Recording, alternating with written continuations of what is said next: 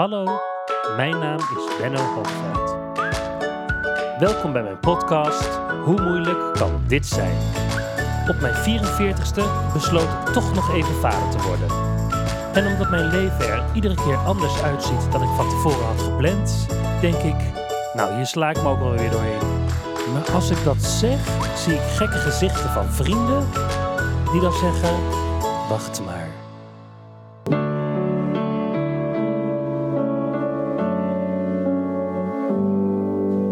Dag ben je geboren, uit samen gaan ontstaan. Uit een lange rij van mensen die nog diep in jou bestaan. Met hun angsten en verlangens, met al hun liefde en hun pijn. Daar ver in het verleden ligt de bron van wie wij zijn. Wees welkom in de wereld Welkom in de tijd, welkom in ons leven. Wees welkom in ons huis. Je gaat nou toch niet sentimenteel worden? Dat was ongeveer een van de eerste dingen die een beste vriendin tegen me zei. Nadat ik een heel liefdevol filmpje had gestuurd van mijn pasgeboren zoon. Want ik was natuurlijk helemaal in de wolken. En ik wilde al mijn liefde delen. En daaronder had ik dit muziekje gezet. Een muziekje wat ik overigens nog steeds heel mooi vind. Daar niet van. Maar het kwam er wel op neer dat ik mij nogal iets cruciaals realiseerde. Ik ben vader geworden. 31 mei 2018 is mijn zoon Jippe geboren. En was het goed te doen? Viel het allemaal mee? Nou, ik kan niet zeggen dat het helemaal van een leien dakje ging. Maar het was wel echt, zoals ze dan zeggen, life changing. Ik werd gevraagd of ik het verhaal van de bevalling op papier wilde zetten. En uh, dat heb ik gedaan. Dus laten we daar nou maar eens mee gaan beginnen. Rond 9 uur word ik wakker gemaakt. Ja, gewoon even kijken of je al wakker bent, zegt ze. Want ze is de laatste dagen steeds heel vroeg wakker. Slapen lukt namelijk niet echt meer met die bolle buik. En bol, dat is die. We zijn inmiddels tien dagen na de uitgerekende datum, maar meneer heeft nog niet echt zin om naar buiten te komen. En zoals met alles duurt wachten lang en de laatste weken zijn dus vooral gevuld met bioscoopbezoek. En dat snijdt overigens aan twee kanten van het mes, want die bioscoop met zijn airco geeft een heerlijke verkoeling in deze hittegolf. Kwart over negen. Ik lig nog in bed als ze zegt dat ze denkt dat het begonnen is. Eindelijk, denk ik. Ja, beter voorbereid kan het niet zijn, dus ik ben er meteen helemaal klaar voor. Voor, voor, ja, voor wat eigenlijk? Want het is dan wel een nieuwe fase, maar het wachten gaat gewoon door. Toch is de volgende stap psychologisch wel prettig, want het kan nu niet heel lang meer duren. We hangen de hele ochtend nog een beetje op bed en kijken afleveringen van Friends op Netflix. En terwijl Phoebe uh, aan het bevallen is van een drieling, ja ja, het zal je maar gebeuren, zit mijn lief lekker op een bevallingsbal te bouncen om de weeën een beetje op te vangen. De vroedvrouw die heeft inmiddels gecheckt en we hebben pas 2 centimeter ontsluiting, dus het kan nog wel even duren. Een mm, beetje dansen dan maar in de slaapkamer en prompt, flats, ze rent weg. Oh, mijn vliezen, roept ze vanaf de wc. En ehm, daar wil ik wel even bij zeggen dat ik vliezen eigenlijk een gek woord vind, want voor zover ik begrijp is het maar één vlies, maar dat terzijde. Uh, we proberen nog wat van het vocht op te vangen om naar de kleur te kijken, maar veel opvangen dat lukt niet echt meer. En terwijl ik op mijn knieën lig om het vruchtwater niet te veel in de houten vloer te laten trekken, denk ik aan de dwel te kunnen zien dat het inderdaad relatief helder vruchtwater is. Ja, het ziet er eh, goed uit, roept ze vanaf de wc. Ja, ik denk het. Ik denk wel dat we iets vaker moeten dweilen, want er zitten inmiddels allemaal stukjes in. Nou, we mogen naar het bevallingscentrum van het OVG. En daar begint fase 3 van het wachten. Het is inmiddels half vier en terwijl ik het grote bad laat vollopen, drijft mijn lief langzaam weg naar een andere wereld. Ze zit erbij als een partyganger die op Lowlands al drie dagen niet heeft geslapen. Wow, ja, die hormonen die doen dat met je. Maar uh, daar doet ze het heel erg goed op, dus lekker laten. Ondertussen eet ik een boterham, met dank aan Monique van de verpleging die heel lief voor mij zorgt. En zit Sophie, onze vroedvrouw, naast me te breien.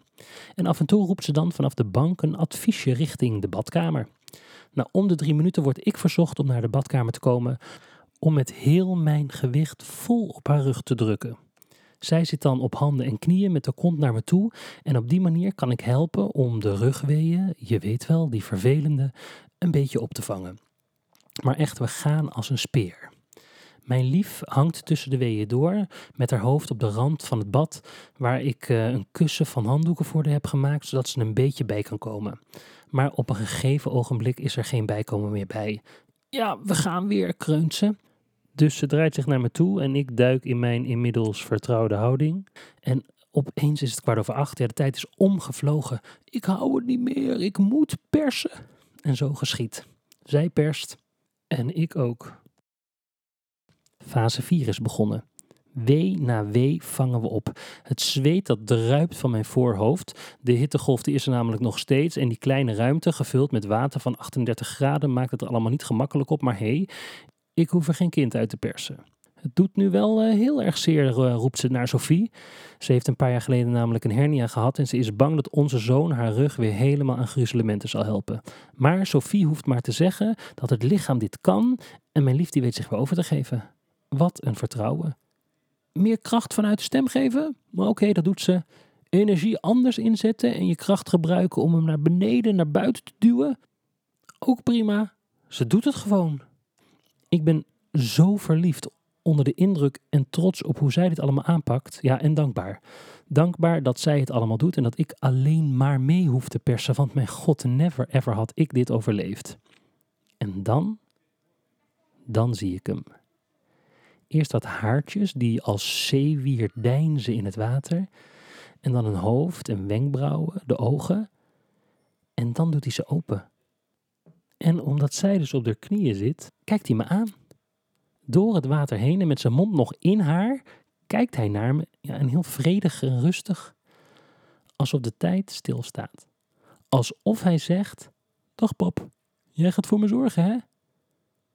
En alles schreeuwt mij: Ja, natuurlijk doe ik dat, natuurlijk ga ik dat doen. En dan gaan we weer door met persen. Neus, mond, kin, schouders. Alles komt eruit. Pak hem maar, zegt Sophie. En ze pakt hem vast en brengt hem langzaam boven water. En daar is hij. Alles erop en eraan. Hij huilt niet, hij kijkt rustig om zich heen en hij aanschouwt zijn moeder die hem iets wat onhandig vasthoudt.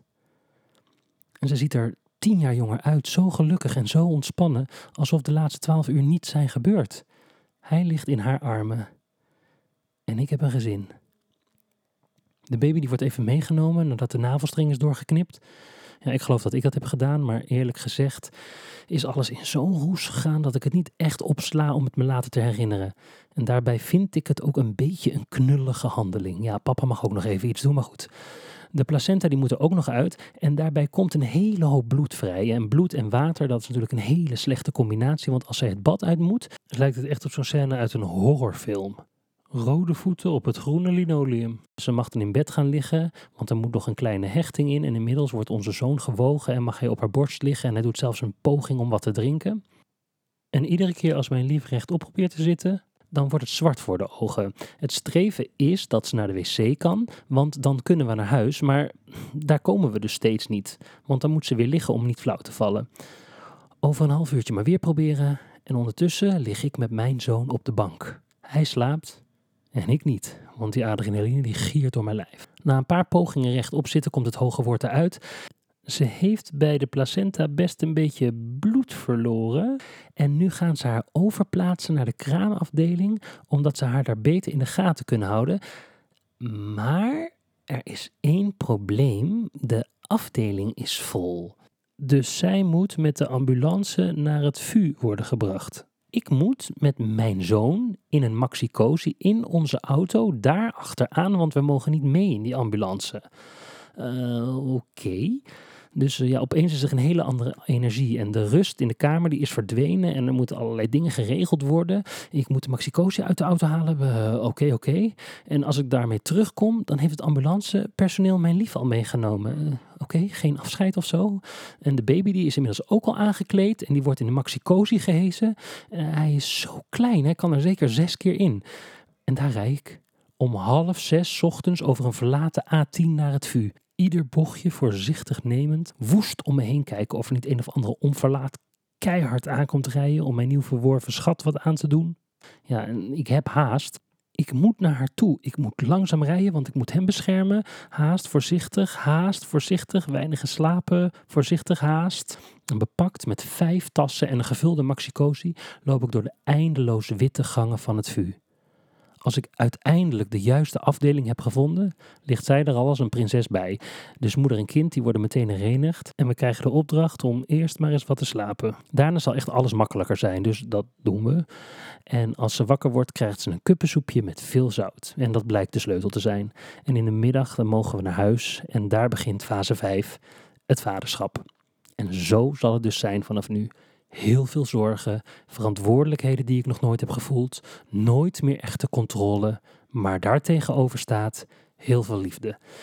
En hoewel een kuppensoep niet altijd de oplossing zal zijn, helpt het soms wel om even een moment te nemen om vanuit rust de situatie te overzien. Want terwijl ik dit schrijf, ligt zij op de bank, hij ligt op haar met een speen in zijn mond en zijn ogen dicht. En dat is tegenwoordig al genoeg om geluk te voelen.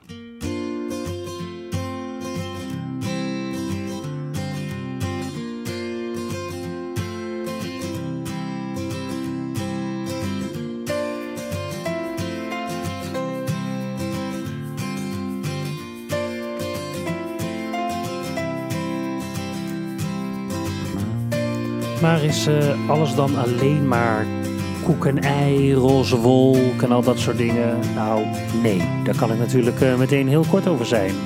En dan heb ik het dus niet over de poepluiers die je moet verschonen, wat echt best wel heel vies is soms, maar gewoon. Dat doe je met liefde. Want als er eenmaal naar je geglimlacht wordt, dan vergeef je die poep aan je vingers. En ik heb het ook niet over dat je s'nachts wordt wakker gemaakt omdat je kind precies in jouw diepste remslaap zijn speen verliest en besluit jou dat even haarfijn te laten weten. En dan heb ik het zelfs niet over dat ik het echt heel irritant vind dat ik tegenwoordig niet meer even gezellig samen met mijn lief kan zijn en bijvoorbeeld samen even kan avondeten. Nee, er is eigenlijk maar één ding waar ik op dit moment echt heel erg mee worstel. En dat is de indeling van de tijd. Hoe verdeel ik mijn tijd tussen gezin, werk en slapen? Kijk, want het feit dat ik al vier maanden geen podcast heb gemaakt, dat geeft natuurlijk al een beetje aan dat ik echt niet zo goed wist hoe ik nou mijn tijd een beetje moest indelen en dan een goede balans kon vinden tussen werk en thuis en slaap.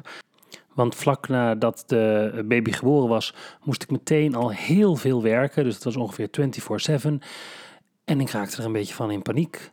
Want ik dacht, hoe kan ik hier nou aandacht geven, daar nou aandacht geven? Maar de oplossing is eigenlijk heel simpel. Want het heeft te maken met het leven nog iets praktischer indelen. Gewoon nog iets efficiënter met de tijd omgaan die je hebt. Um, en de eerste stap die ik daarin kan zetten is niet meer podcasts van een half uur maken, maar gewoon van een kwartiertje. Want als je het een beetje praktisch aanpakt, dan heb je maar een kwartier nodig om een verhaal van een half uur te vertellen. Ja, dat klinkt natuurlijk heel simpel en ik geloof ook bijna niet dat ik gelukkig word van deze gedachte. Maar als het nou toch zou werken, ik ga proberen mijn leven zo te organiseren dat ik overdag kan werken, dat ik thuis kom, dat ik daarna dan wat leuks met mijn zoon doe, dat ik dan eet met mijn lief, dat hij daarna naar bed gaat, dat wij dan nog even met z'n tweeën op de bank blijven zitten, dan kan zij naar bed en dan blijf ik nog even wakker, want ik moet om 11 uur de laatste voeding geven. En tussen de tijd dat zij naar bed gaat en dat ik de voeding geef, heb ik precies nog een uurtje voor mezelf om e-mails te beantwoorden, om een podcast te editen en om ondertussen afspraken te maken met mijn vrienden om nog ergens te kijken of ik ook nog een leuk leven kan vieren. Nou, dat lijkt me eigenlijk een heel overzichtelijk plan. Dus dat is wat we vanaf nu gaan doen: kortere podcasts, maar wel nog steeds met dezelfde insteek. Andere mensen hier aan tafel, dus hopelijk is dit de enige keer dat je mij hier alleen aan tafel hoort. Gevalletje fingers crossed. Dat was hem weer. Vond je het leuk? Geef dan even een duimpje. Of vond je het niet leuk? Geef dan even een negatief duimpje. Maar geef in ieder geval even je mening. En dat kan ook op benno.hoemoeilijkkanditzijn.nl Of je schrijft even een review in de podcast-app van je telefoon.